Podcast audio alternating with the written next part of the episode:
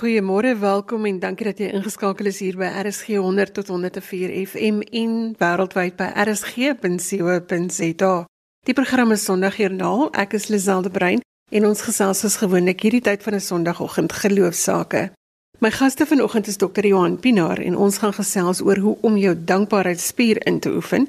Esther Geldenhuys gesels met ons oor die vroue op pad na die kruis en Marie van Rensburg deel met ons haar pad van dankbaarheid. Ons gaan die program afsluit met Dr Pieter van Jaarsveld wat ons help dink oor hoe om die klein dingetjies in die lewe raak te sien.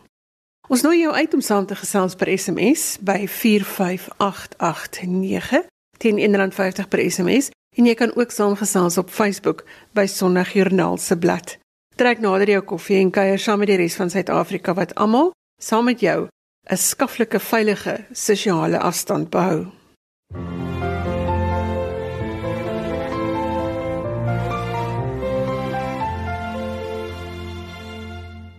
Dr. Johan Pinaar is 'n bestuurskonsultant van Pretoria, self 'n man wat van dankbaarheid getuig nadat hy en sy vrou 'n aantal jare gelede deur 'n gewapende roof is en hy het ook oor daardie trauma geskryf. Maar ons twee krap vanoggend 'n bietjie rond daar waar jou dankbaarheidsspiere geoefen moet word. Goeiemôre Johan. Môre Lisel. Jy het 'n rukkie gelede op Facebook geskryf oor die oefen van jou dankbaarheidsspier. Wat het jy daarmee bedoel? Weet jy interessant hoe dit mos nou oor mense pad kom. Ek lees nou die dag sommer net so tongnetjie storie van die oom wat op 68 in 'n motorongeluk beland het. Gelukkig is die mediese ouens nou vinnig naby en uh, sit vir 'n masker al met die kar uit sit vir 'n masker op in die ambulans gaan hospitaal toe. Daar is hy in die uh, intensiewe eenheid is opgeneem waar hy vir 'n verdere dag nog suurstof kry en uiteindelik beter ontslaan huis toe en so twee weke later toe kry hy die rekening en hy sit die rekening en lees en skielik begin hy onbedaarlik huil. Sy vrou kom nader gestorm en dink toe dis as gevolg van die ongeluk. Sy sê wat is dit? Hy wys vir haar die rekening. Toe staan daar vir suurstof skuld hy die hospitaal R6000 en hy kyk op en hy sê vir haar vrou om te dink vir 68 jaar het die Here vir my gratis suurstof gegee en ek het nooit van dankie gesê nie. Stags ek lees die storie en ek besef toe net dankbaarheid kom nie van self nie. Dis een van daardie goed wat soos fiksheid vra dat 'n mens dit gereeld moet oefen, gereeld daaraan moet aandag gee, gereeld moet werk om dankbaar te wees, jouself voortdurend moet herinner om dankbaar te wees anders gaan 'n dag en 'n week en 'n maand verby sonder dat ek regtig hierdie dankbaarheidspier van my gebruik het. So, kom ons gee voor, ek weet absoluut niks van dankbaarheid af nie. Hoe sal jy my leer wat dit is? Ek sou net om om myself te herinner en ek bedoel ek stel daai ouderop warm mense vir goedjies teen die deure plak en op plekke sit om jouself te herinner aan goeders wat gedoen moet word. Ek herinner myself baie keer deur 'n woord te gebruik en rondom die woord iets te skryf of neer te skrywe. 'n Mens kan dit 'n anagram noem waar jy die letters gebruik om woorde meer in te lei. So ek wil die woord dank gebruik en sê dank sê vir my in wese as 'n mens die vier letters D A N K sou gebruik. Sê dit in wese wat dankbaarheid is en dan is die eerste die D sê daar waar ek is. Dankbaarheid is om daar die die waar dit is te waardeer, lig te sien, hoop te sien, lof te sien, rede te sien om dankie te sê. Plusius het 'n baie bekende ou gedig daar geskryf. Die rus is elders. Ek wil nou nie eers probeer om die die vreemde naam uit te spreek nie. En in die gedig vertel hy van die ou wat in die trein sit.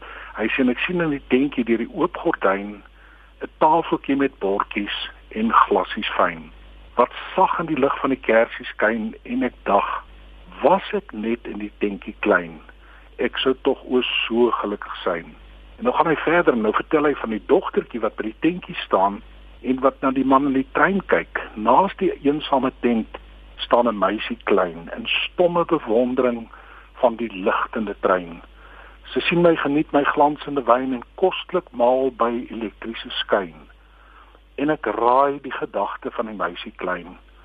Ag, was ek tog maar net in die vrolike tuin, trein sou tog so gelukkig sein. Twee mense vanuit verskillende wêrelde wat na die ander een kyk en wat sê as ek daar is, sal ek gelukkig wees. En baie lesel van ons lewe speel so af. As ek dit kan hê, as ek daar kan kom, as ek dit kan bereik, as ek saam met daardie ene kan wees, is ek gelukkig in Paulus sit in die tronk in Rome in die allerhaglikste omstandighede en daar skryf hy die blydskapbrief, die dankie sê brief Filippense wat net vir my weer sê dankbaarheid kom as ek besluit dat ek hier waar ek is, daar waar ek is, het ek genoeg om dankbaar oor te wees en om te soek na dankbaarheidsgeleenthede in my omstandighede. Die A van dank sou ek gebruik om te sê dankbaarheid kom as ek anders kyk na dinge. A staan vir anders kyk na dinge. So rukkie gelede en dis maar die wonderlike van Facebook, daar kom ons nou al hierdie goeie so verby en ek het nou 'n manier om dit te bære want dit praat met my. Is daar 'n storie in Engels? Ek het dit sommer nou liggies vertaal wat sê ek kyk anders na dinge. Ek kyk anders na my vroeg opstaan vir ontbyt. Want skielik besef ek ek moet vroeg opstaan vir ontbyt want ek het kinders wie ek kan lief hê. Ek kyk anders na my huis skoonmaak. Want ek het 'n huis waarvoor ek kan dankie sê 'n veilige plek waarin ek kan leef kla baie keer oor die skottelgoed. Maar ek word dankbaar as ek besef dat die skottelgoed sê ek het kos om te eet. Ek is dankbaar oor die groot lawaai rondom my. Wie dit nie al beleef nie as jou kinders of jou aangenome of jou verkinders kom kuier. Hierdie skielike groot lawaai sê die een ek is dankbaar as ek besef ek het mense in my lewe. Klim in die aand in die bed en ek is seer en ek is moeg as ek in die bed klim en ek wil daaroor kla en skielik besef ek ek kan dankie sê want ek het nog 'n lewe vol lewe. So die A sê vir my dat ons moet anders kyk na dit wat ek baie keer as negatief beskryf en negatief beleef.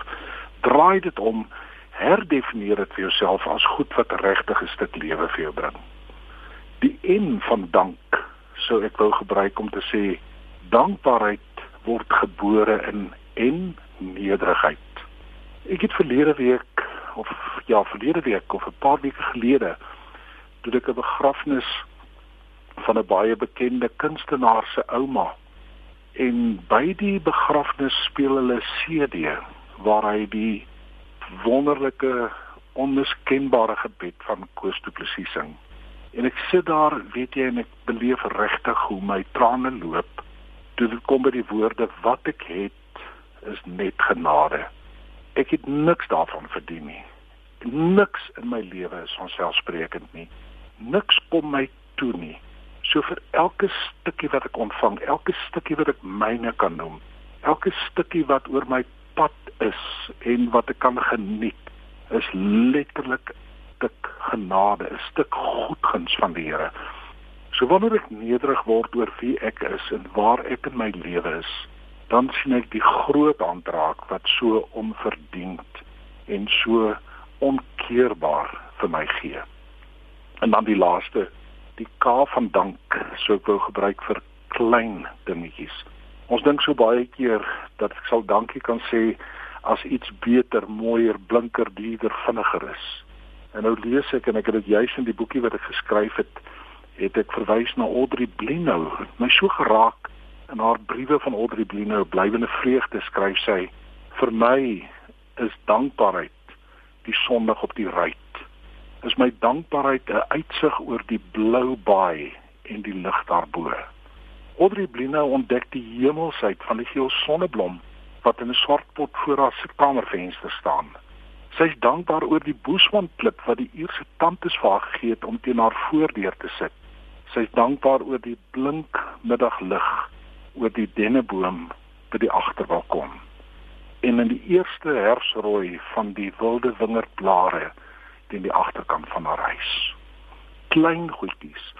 En die oomblik as ek my instel om te sê ek wil in hierdie dag klein goedjies ontdek wat die Here oor my pad gebring het, 'n gesprek, 'n glimlag, 'n mens, 'n oproep, 'n SMS, 'n WhatsApp, 'n briefie wat ek gekry het, 'n stukkie lewe wat ek het, as ek daarop fokus, kry ek soveel om oor dankie te sê. Klein goedjies.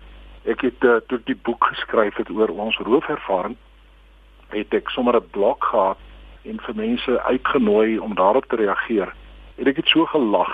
'n Tannetjie skryf, uh, sy reageer op dit. Sy sê ek dink die mense langs ons in die sekuriteitskompleks het vandag gedink hierdie tannie van 80 het dit finaal verloor. Soos ek het met my pen en boekie op 'n klein stukkie gras gaan sit en begin neerskryf. Binne uur en ek wens nou letterlik ek kon dit vir julle sigbaar wys soos hy dit geskryf het. Sy binne 'n uur het ek 12 blink streepie, blou met rooi streepie, strepe, streepie geel met groen strepe, ronde, lang, vet, maar springende kruipende goggas gesien. Agt voelsoorte probeer identifiseer. Dit was nogal 'n uitdaging. Driemaal onder die muskiete deurgeloop en 'n perby net net ontdek. En my dag is gemaak. Here ons Here, hoe wonderlik het U die wêreld groot en klein gemaak. Klein goedjies wat dankbaarheid bring. Die D sê vir my daar waar ek is, die A sê anders kyk na dinge. Die N dat ek nederig moet word sodat ek die grootheid van sy genade beleef. K klein dingetjies wat groot vreugde bring. Johannes vandag Palm Sondag. Waarvoor kan ons vandag spesiaal dankie sê? Net vir die onuitspreeklike liefde. Weet jy, ek dink nogal baie keer oor Palm Sondag. Hier ry die Here in in daardie dorp en hy weet waar hy nou op pad is. Hy weet wat aan die einde van daardie week vir hom gewag het. Die kans was regtig daar vir hom om om te draai, weg te ry, om te stap na ander plek toe te gaan en Lisel toe onthou hy jou naam en hy onthou my naam en hy ry Jerusalem in om uiteindelik aan die kruis te gaan sê Vader dit is volbring. En so gesels dokter Johan Pinaar van Pretoria hy is 'n bestuurskonsultant en ons het vanoggend 'n bietjie gekyk na die woord dankbaar en ook wat ons moet doen op Palm Sondag. Johan baie baie dankie dat jy vanoggend vir ons gehelp het om te konsentreer op die belangrikheid daarvan om ons dankbaarheidspier te oefen. Dit is my voorreg. Baie dankie vir die geleentheid.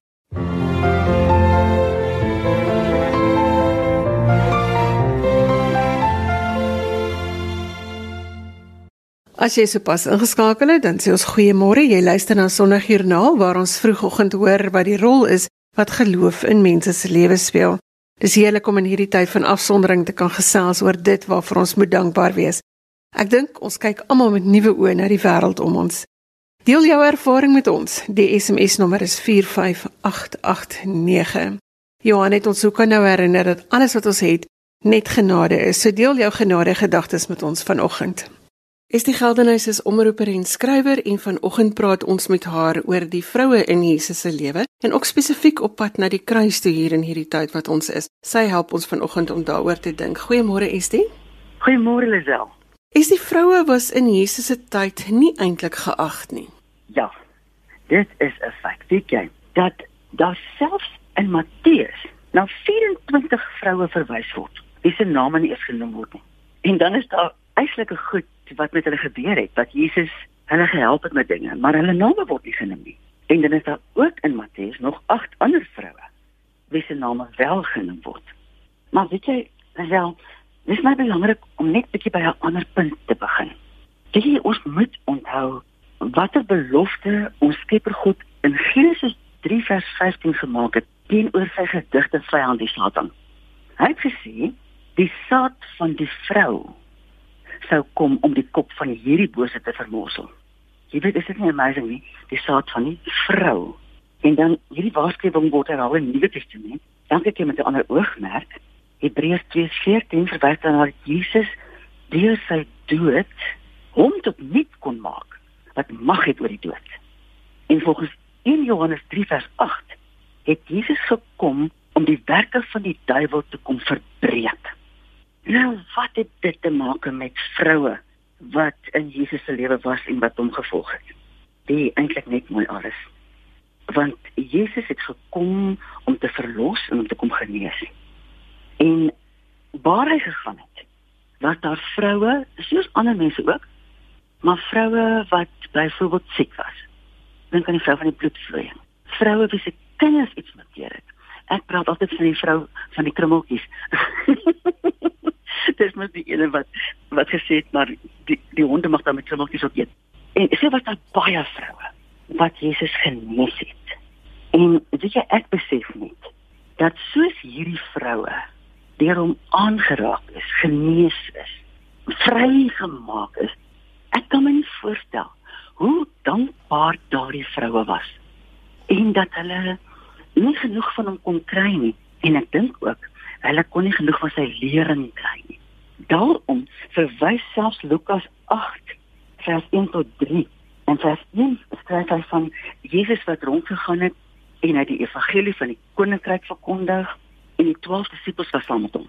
Maar dan gaan hy verder vers 2 en dan sê hy ook sekere vroue wat genees was van siektes. Maria Magdalena en Johanna, die vrou van Susa, 'n bestuurder van Herodes, en Susanna en baie ander wat hom almal met hulle besittings gedien het. Die en dit maak van die prentjie verder oop. So dit was nie net vrouens wat dankbaar was en wat meer en meer wou leer nie. Hulle wou iets teruggee. Ek dink hulle kon bedien met gewone huishoudelike goeder. Maar ook met hulle besittings. En Jesus het self gesê, jakkals het skate. Maar die seun van die mens het nie 'n plek om sy kop neer te lê nie. So daar waar hy ook al sy kop neer gelê het, het sy gevolg saam met hom geslaap. Sy van hierdie vrouens, Gisa, was 'n baie belangrike man in Herodes se se, se koninkryk. So sy vrou was 'n grand auntie gewees het. en dat sy bereid was om dalk in spelonke en grotte in die veld te slaap en nog te betaal ook daarvoor. Dit gaan eintlik my se verstand te bowe. En al wat jy daarvan kan verstaan is dat Jesus so 'n intense uitwerking op hulle hele menswees gehad het dat hulle nie anders kan as om net by hom te gebly het nie. En dit is wat vir my so wonderlik dat hulle by hom was nie net omdat hulle hom wou aanbid en leer van hom nie, maar hulle wil hom dien.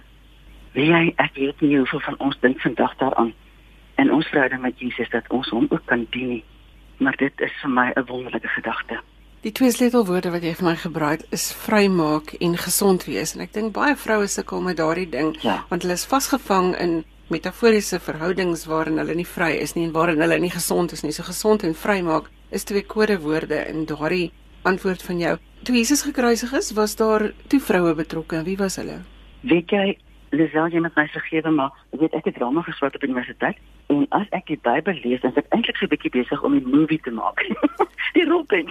En as jy net dink aan die nag toe Jesus gevange geneem was. Die vroue was nie betrokke by die laaste avondmaal nie. Ek glo hulle was in Jerusalem, want dit was 'n baie groot Paasfees. Maar hulle moes eers nadat Jesus gevange geneem is, moes hulle gehoor het daarvan. En die Bybel sê nie vir ons op watter stadium hulle bygekom het nie. Maar dit word beskryf dat toe hy aan die kruis gehang het, daar wel vroue was. En ek weet ook nie tot watter mate hulle miskien 'n groter groep was wat net nie genoem word nie. Onthou dit het donker geword en dit het gedonder weer geplits. Ek dink dit moes skrikwekkend gewees het. Want in die middel van die dag het dit donker geword. En ek dink baie mense het juis weggegaan as gevolg van die donkerte. En tog het daar 'n paar vrouens bly staan. Ons weet dat Johannes saam met Maria die moeder van Jesus daar was, want onthou ek mos vir Johannes gesê, daar is jou moeder, vrou, daar is jou seun en dat hy eintlik daarmee vir Johannes gevra het versorg haar asseblief. So dit weet ons. Maar verder het die vrouens op 'n afstand gestaan en die mense kan dit ook verstaan want die Romeinse soldate was betrokke en hulle het nie gedurf nader kom nie. Maar hulle was mens daar. Jy weet wie ek gelou. Beskryf mos in daai pragtige eh, eh, groep gedigte wat hy geskryf het oor die kruisiging van Jesus. Hierdie sin wat hy van die disippels praat en hy sê Hulle het soos blare van 'n boom van hom gewaai. Net Johannes was teenwoordig by die kruis. En dan 'n groepie vroue. Van die name wat genoem word is weer Maria Magdalena. En ons weet Maria die moeder van Jesus was daar. En Salome wat die suster van van Maria was. En dan was daar nog ander wat hulle nie noem nie. Maar weer eens was hulle daar om letterlik op 'n afstand net om te sê ons ondersteun u tot op die laaste. Maar toe, nadat hy begrawe is. Jy weet, hulle het hom gaan begrawe en die vrouens het op afstand gebly. Vertrou aan die tyd waarin hulle geleef het, het die vrouens nie ingemeng met die planne van die manne nie. So Jesus is in 'n graf neergelê en hulle het gesien waar. Die woord sê vir ons dit. En toe was dit nag en almal het huis toe gegaan. Maar die volgende môre was dit weer Maria Magdalena wat eers by die graf was met 'n klomp kruie en dinge weer om te kom dien. En sy het dit en wat sê dat die klip weggerol is. Sy het gehardloop en sy het vir Petrus en Johannes gaan sê. Hulle het gekom en uiteindelik die verskillende evangelies berig verskillend daaroor maar wat ons in Johannes lees van Johannes 20 wat Petrus en Johannes Petrus eerste ingegaan en uitgekom Johannes het ingegaan en uitgekom en toe het sy gaan loer. En toe staan ons vra gesê hy's nie hier nie. En sy het uitgegaan en terwyl sy so huil te praat die tuinier agter haar. Want dis wat sy gedink het dit is. En sy het omgedraai en hom gesê asseblief as u weet waarom nie gelet sê my. En weet jy alself toe gebeur 'n fenominale ding. Hy het net haar naam genoem Maria. En aan die manier wat haar naam uitgespreek het het sy geweet wie dit is want hy het teruggekom in in 'n geestelike liggaam maar die manier wat haar naam gesê het En toe val sy voor hom neer. En hy het net vir gesê moenie aan my raak nie, want ek moet nog na my vader toe gaan. Maar die feit bly staan dat sy toe besef het hy leef nog. En sy was weer eens 'n vrou wat kon terughardloop na die disippels en vir hom sê Matteus 28 vers 10 stuur hy haar en hy sê vir haar gaan vertel vir my broers hulle moet Galilea toe gaan want daar gaan hulle my sien jy weet so kyk net wat 'n geweldige rol het 'n vrou weer eens gespeel. So ja, vrouens is nie geag in daai tyd nie. Maar Jesus het vroue nie net genees nie. Hy het hulle so geag dat hy vir hulle 'n posisie in die lewe gegee het ons vrouens vandag ook nie mag miskyk nie. Jesus ag alle mense, vroue ook. Jy luister na Sondagjoernaal en ons soek al die stories waar geloof 'n verskil maak. As jy een van daardie geloofstories of dankbaarheidstories het, dan hoor ek van jou. My e-posadres is lazel@wwmedia.co.za. Vanoggend is ek dankbaar dat ek my foon omtrent 3 keer op 'n dag moet herlaai, omdat daar net soveel mense is wat bel en gesels om te hoor of ek veilig is in hierdie tyd van afsondering. Ek is dankbaar vir elkeen van julle. Dalk is jy dankbaar vir 'n gedwonge ruskansie. Sit deel met ons wat op jou hart is vanoggend. Stuur vir ons 'n SMS Ek wil weet waarvoor jy dankbaar is. Die nommer is 45889. Marie van Rensburg is 'n luisteraar van die Oeverberg en sy het vir ons geskryf na aanleiding van ons dankbaarheidsinsetsels en ons hoor vandag waarvoor sy dankbaar is. Goeiemôre Marie. Môre Lisel en môre luisteraars. Marie skiet vir ons net eers waar jy woon en wie Marie van Rensburg is. Hierdie ou tannie is daar in die oorlogstyd al gebore. So wat vir julle geskiedenis is, is vir my 'n werklikheid. Ek is daar in Groblersdal in die Bosveld gebore. Matriek gemaak op Vaalaarts en my pa was by Waterwese, dus het ons maar baie rondgetrek. Ek het 'n draai op Stellenbosch gemaak en ek het skool gehou in Natal en daar het ek 'n stadse boer ontmoet en daar is ek getroud met twee kinders met drie pragtige kleinkinders en ek het al 'n agterkleinkind. Ek bly op die oomblik in Greyton in die Oeverberg en dit is so pragtig as ek so uitkyk en sien ek 14, 15 verskillende kleure hier om my en dis kransels en al daai lekker goede wat net hier in die Oeverberg is. Watter rol speel geloof in jou lewe? Ja, mensie sommer amper kan ek sê 90% van my lewe is geloof. Uh geloof is vir my daai heerlikheid om met God intiem te wees en daai heerlikheid om om te ontvang wat hy vir ons gee. Jy weet, ek kan dit amper nie in woorde beskryf nie. Ek ervaar net in my geloof daai heerlike koestering. Jy weet selfs al is ek hartseer op die oomblik het ek um, maar hartseer ook. Soos enige mens. Al weet jy dan ervaar ek daai koestering wat goed vir my gee. En ek voel eintlik sy teenwoordigheid en dan uh, dis vir my of hy vir my 'n besemstok nek gee. Jy weet die die die, kop die nek weer reguit maak en dan gaan ek weer aan maar dan ek, ek weet net dat hy my dan koester en dat ek net kan staande bly.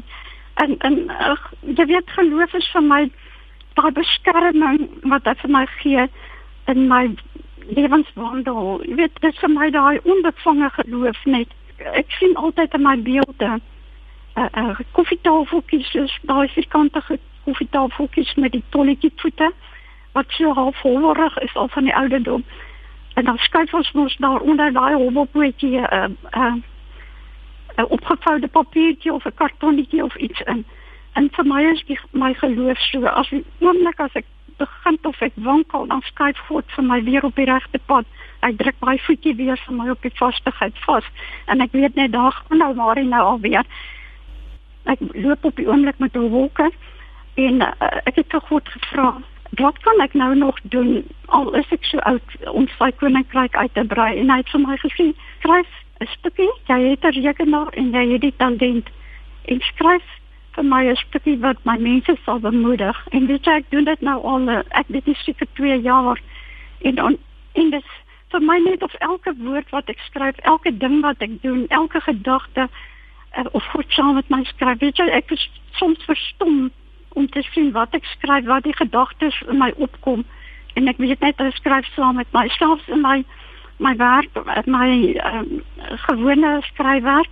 Ek het byvoorbeeld twee weke terug het ek klaar gemaak met 'n vervolgverhaal van oor die 200 000 woorde en weet jy hier ek het nou oorgaan hier in die middel. En ek maar ek het een episode glad nie klaar gemaak nie. En ek gaan sit en ek sê ag Here, ek het so moeg geskryf. Ek weet nie meer wat om te skryf nie. Wat gaan ek hier inval? En uh, weet jy ek, ons ons moet gepas tye gaan bak vir die kerkbazaar en ons ry. Maar ons ry 'n grondpad kry teen toe en daar uit die bloute waar niemand sig nie. Val 'n klippie teen die ry, maar nie eers so erg dat hy skade maak in die ry nie, net geskiek en met een val daai woorde en alles wat ek moet skryf tot die boef se se part verdeel daar in val toe reg.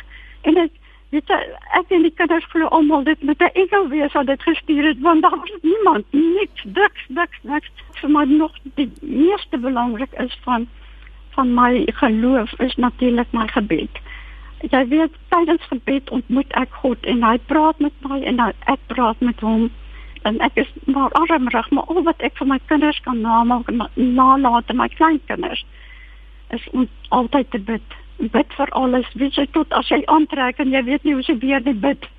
Ek bid vir alles. Ek letterlik maar ek het my lewensmotto is dan ook die woord bom jy weet bid altyd Marie en en ek nou net afsluit daarmee vir die mense sê verander dit nou net bid altyd mense. Bid net altyd vir alles en alles wat jy nodig het en baie vir julle vra en as ek vra dreig oral bid oral. Dit klink vir my nou baie goeie raad maar kan ek net gou gevra voordat ons afsluit die rol wat dankbaarheid in jou lewe speel? O oh, ja nee dankbaarheid is is daar is amper net so baie soos geloof ek is op die oomblik 77 en ek loop met 'n walker maar ek kan net die Here genoeg dank dankie sê vir daardie krag en die verstand wat ek vir my gegee het om nog elke dag te kan skryf nie. Ek werk nog voluit. As ek die oggend wakker word tot die aand werk ek voluit. Ek skryf en ek doen tuinwerk. Ek doen alles wat lekker is. Ek kan net die Here dank. Dankie sê genoeg vir vir alles wat hy vir my doen nie. Uh en ek wil dankie sê dat ek in die pragtige uh oorberg my my lewe kan sluit. Weet jy, dit is so rustig hier en ons is so lekker gemeenskap en ons het 'n lekker gemeente en alles. Ek het ek is so dankbaar daar, daarvoor. Maar dan die grootste dank, ek dra al brul van ek 4 jaar oud is en ek het 'n vreeslike agterstand omdat ek minsig het, baie min. Maar tog het hy vir my baie jare deur 'n gewone skool laat gaan. Ek het gaan skool hou en alles met daai minsig wat ek het uit my gevorm en my my gemaak, uit my skrywer laat word. En jy weet hoe dit kos maar baie kykwerk om te kan skryf op 'n rekenaar en alles. En en weet jy kan hom nie genoeg dankie sê vir wat ek is vandag nie. Marie baie dankie dat jy jou storie met ons gedeel het. Dit was die stem van Marie van Rensburg, 'n luisteraar van die Oeverberg en sy het vir ons geskryf na aanleiding van ons dankbaarheidsreis waarop ons almal is. Marie baie dankie vir die saamgesels vanoggend. Baie dankie en totsiens en die Here seën julle almal ryklik hoor. Dr Pieter van Jaarsveld is een van daardie mense wat energie agterlaat wanneer hy 'n vertrek verlaat, maar gelukkig vir ons bring hy ook daardie energie in die vertrek in. Hy is 'n sielkundige en 'n teoloog en vanoggend gesels ons 'n bietjie oor die lewe van blydskap en dankbaarheid. Goeiemôre Pieter. Môre sien is so lekker om hier te wees. Dankie. Ek wil graag wegspring met die vraag of jy vir ons kan help dink oor hoe belangrik dit is om die kleiner goed raak te sien wanneer ons praat oor dankbaarheid. Goed. Ek ek dink Lisel, kom ons begin as ons oor dankbaarheid eers praat. Dit is nogal belangrik om te besef dat die Bybel groot klem laat lê. Uh, as jy nou eintlik kyk, daar word meer as 150 keer daarna verwys, maar die belangrike is dat daar word letterlik gesê 33 keer jy moet dankbaarheid toon. En dit is 'n belangrike gaan nou daarna terugkom. As jy ook dink Martin Luther het byvoorbeeld gesê vir hom is die basis van die Christelike beginsels is eintlik dankbaarheid. En nou as jy nou kyk wat in 1 Tessalonisense 5 vers 18 staan, dan staan daar wie is in alle omstandighede dankbaar, want dis wat God verwag. Nou daar's 'n ongelooflike wysheid agter hierdie dankbaarheid wat die Here sê ons moet hê. Want dit word nou eers deur die neurowetenskap bewys, maar die Bybel het lankal gesê. Kom dat ek eers miskien vir luisteraars dit so sê. Baie van hulle gaan nou nie weet dat 'n mens se gedagtes in jou liggaam is onlosmaaklik verbonde. Met ander woorde, elke gedagte het eintlik 'n invloed op jou liggaam.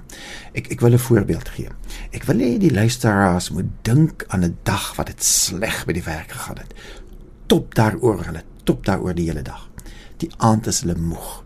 Nou, wat het daar gebeur? Sodra mens negatief is, of dit nou is dat jy kwaad is of bekommerd is of wat ook al, skei jou liggaam die stresshormoon kortisol af. En kortisol se dilemma waarteen ons moet veg is juis maak jou moeg, lei tot uitbranding, jy kan nie onthou nie, jy vergeet uh die die ergste van alles na studies wys omtrent 74% van alle siektes word daar veroorsaak. Net gou vinnige ander dingetjie wat luisteraars miskien nie mag weet nie. Uh, Daar's 'n belangrike hormoon ook in jou liggaam wat se naam is die immunoglobulin A. Immunoglobulin A is, is verantwoordelik vir jou vir jou immuunstelsel en ander woorde om jou gesond te hou. 'n 5 minute van negativiteit of dit bekommernis is of dit kwaad is, het 'n 6 uur effek op jou liggaam. Met ander woorde, baie luisteraars sal agterkom dat as hulle die vorige week 'n slegte week gehad het, die volgende week het hulle griep. Nou, dit is waarom die wonderlikheid van as die Here sê wees dankbaar, want jy's jy's die dankbaarheid wat amper teen die stres gaan werk. So dis 'n ongelooflike diep wysheid wat agter hierdie ding sit. Ons ons kan maar net dink dankbaar, dankbaar, dankbaar. Maar dag, dis 'n veel dieper dinge agter wat die neurowetenskap vir ons gewys het. Nou ja. Nou is dit baie belangrik as as die Bybel sê in klein dingetjies en ek wil so uh vyf dinge sê wat ons letterlik kan doen om dankbaarheid te verhoog om dit so te sê om natuurlik die stres te verminder en jy sal gesonder en langer leef dan ook. So hierdie is klein dingetjies wat 'n groter geheel maak. So ons moet ons kan hierop fokus. Absoluut. Geef ons daai vyf dinge. So kom ons begin met die eerste een. Die eerste een is dink dankbaarheid. Met ander woorde, leef lekker 'n dankbare lewe. Uh Seligman is is 'n vader van die positiewe sielkunde, maar hy het gewerk baie met depressie en aangeleerde hulpeloses en daardie dinge. En hy het van sy depressiewe pasiënte die volgende gevra sê luister hier, dink aan 3 dinge waarvoor jy dankbaar is. Klein dingetjies soos byvoorbeeld uh, ek my seun het my gebel. Ek het die boek van my terapeut gelees. Hulle moes dit as hulle hierdie 3 dinge vir 21 dae gedoen het. 94% van hierdie pasiënte waarvan sommiges bedlend was, het verbetering getoon. Sodanig dat hulle beweeg het van bedlende depressie na middelmatige en ondermiddelmatige depressie. Daar's 'n ander ongelooflike wonderlike studie gedoen oor hierdie dankbaarheid in die klein dinge. Hierdie studie het hulle weer gesê, maar luister hier, 5 minute in die dag, dink net oor 3 dinge waarvoor jy dankbaar is, maar dit kan enigiets wees, maar jy moet 5 minute daaraan spandeer. Dit was hulle opdrag geweest en het gevind kyk die brein kan nie twee dinge gelyk doen nie. So wat hulle gevind het dat die brein letterlik gesoek het vir meer positiewe dinge. Hulle het letterlik die navorsing die ouens getoets na 'n maand, na 3 maande en na 6 maande. En na 6 maande het hulle gevind dat hierdie dankbaarheid nog steeds in 'n positiwiteit by die mense gebring het. So die eerste ding wat ek vir die luisteraar wil sê, vir 21 dae, dink elke dag aan drie dinge waarvoor jy dankbaar is. Ek het vanoggend voor ek na toe gery het, het my hond op my skoot gesit en ek dink, "Wat 'n genade om hierdie mooi stertjie te hê." Ek was nou verlede week gewerk in Gauteng, toe ek langer kon stort as hier in die Kaap wat ons in die waskorrel stort. Het ek gedink, "Wat?" So met ander woorde, elke dag dink aan drie dinge. 'n Mens moet dit net varieer. Met ander woorde, na 21 dae dink nou weer, "Waarvoor kan ek dankbaar wees in my gesin?" En dan weer na 3 weke uh, in in my werk. So met ander woorde, dit moet gevarieer word anders verloor hy sy waarde, maar dis die eerste ding wat ek wil sê.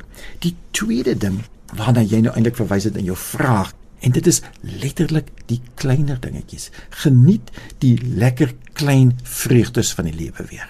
Wees dankbaar daarvoor. Hulle het gewys dat mense wat dit doen, hulle praat in Engelse literatuur van savoring dat mense dit meer lewensvreugde, beter gesondheid is dit nie wonderlik, minder stres. So ek wil drie maniere sê hoe mense hierdie klein dingetjies voor dankbaar wees. Die eerste een is letterlik daai ou bekende uitdrukking ryk weer die rose.